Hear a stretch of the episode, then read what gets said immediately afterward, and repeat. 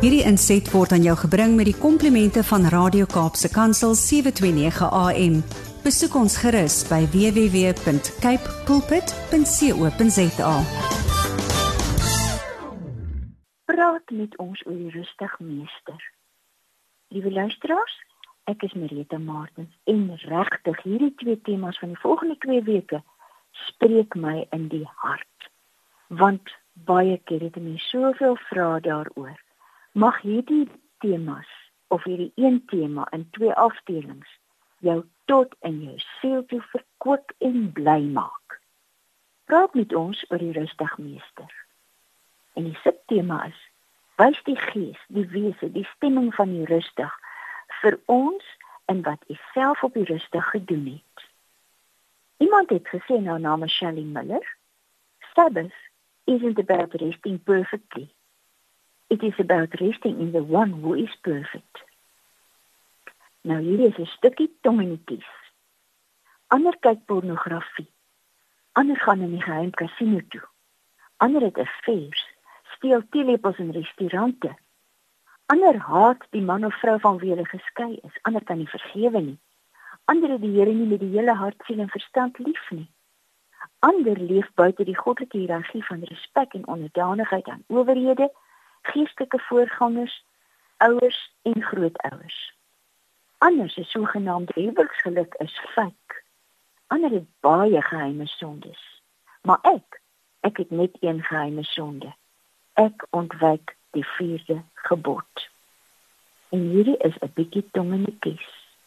Dis eintlik tragies tongenetjies en jy pas twee heeltemal onskriftuurlike stukkies gehoor. Daar bestaan nie so iets nie. As ons sê dat ons nie sonde het nie, mislei ons onsself en is die waarheid nie in ons nie. As ons ons sondes bely, hy is getrou en regverdig en daarom sal hy ons ons sondes vergeef en ons van alle kwaad reinig. As ons sê dat ons nie gesondig het nie, maak ons hom tot leenaar en is sy woord nie in ons nie op een of ander manier, op tienduisende maniere, is ons almal deur die jare heen en elke dag skuldig aan die verbreeking van elke gebod in die 10 gebooie. Niemand, geen een van ons het net een geheime sonde, een wegsteek sonde nie. Elkeen van ons te geheime gedagte wêreld.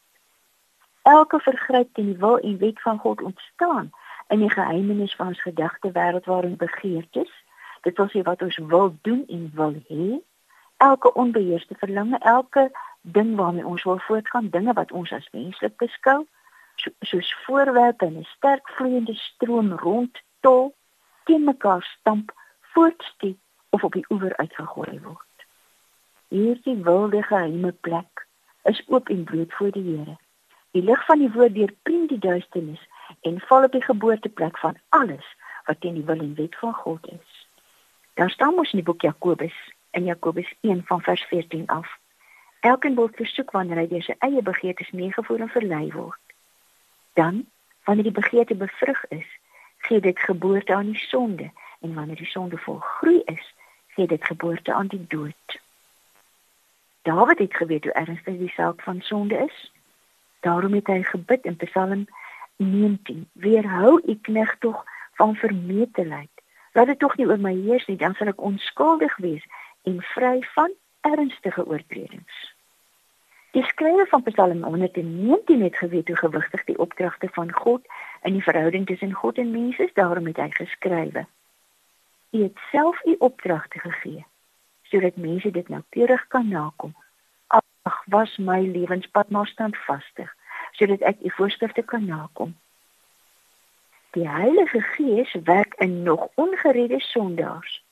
Die Heilige Gees oortuig ongeredde sondaars oor wie God sy reddende genade wil uitgiet.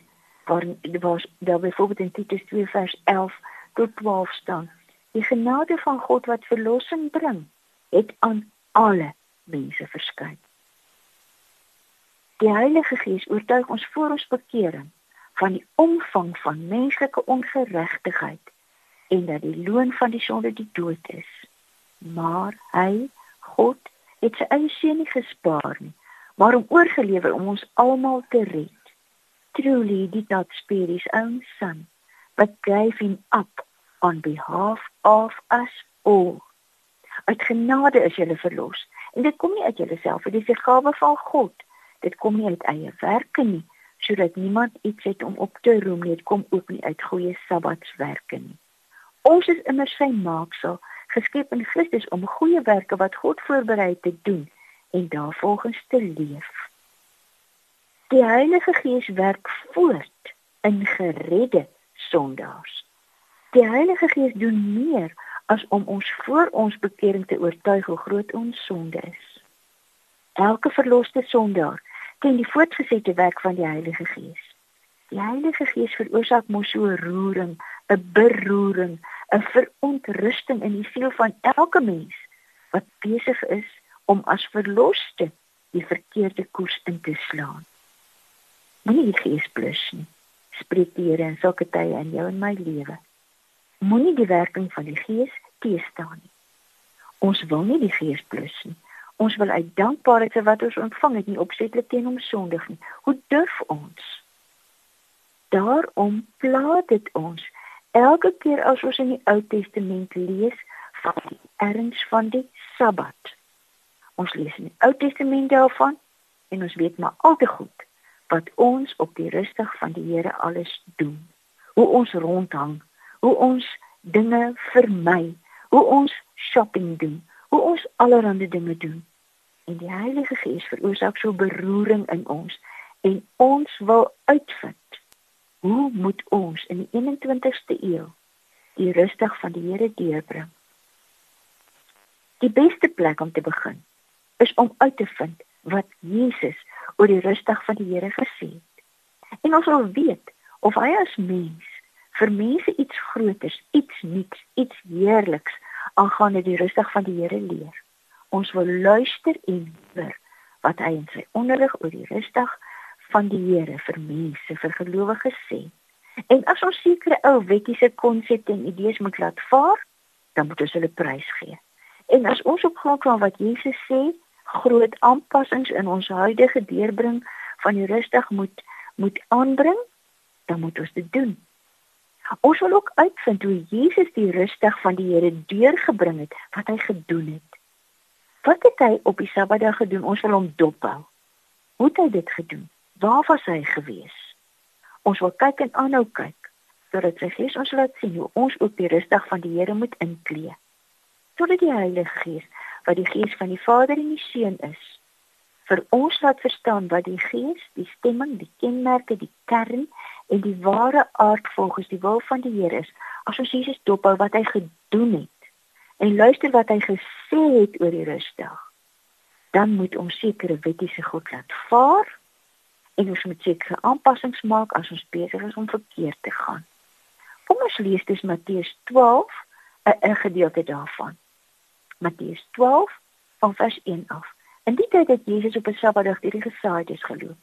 Sy disippels het honger geword en are begin pluk en van die koring geëet. Toe die disippels dit sien, sê hulle vir hom: "Kyk daar. U disippels doen iets wat op die Sabbatdag nie gedoen mag word nie." 2020 vertaling nie toelaatbaar is nie. Maar hy het vir hulle gesê: "Het julle nie gelees wat Dawid gedoen het toe hy en sy manne honger geword het nie? Hy het in die huis van God ingegaan en van die offerbrood geëet." wat hy en sy manne nie mag gedoen het nie, maar net die priesters. Of het julle nie die wet van Moses gelees dat die priesters op die Sabbatdag in die tempel diens moes doen nie? Hulle oortree dus die Sabbatverbod en tog is hulle nie skuldig nie. Ek sê vir julle, hier is een wat groter is as die tempel met ander woorde ek sê vir julle wat hier is. En hy verwys na homself is groter as die tempel. En dit beteken Hy het groter gesag as elke mens en groter gesag as die wet wat hulle so slaafs navolg.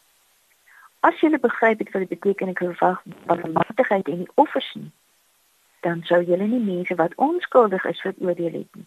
Die seun van die mens is immers meester, die een wat die finale opdrag en gesag oor die Sabbat het. Jesus het daarvandaan weggegaan en in hulle sinagoge gekom. Daar was jy 'n man met 'n gebreklike hand.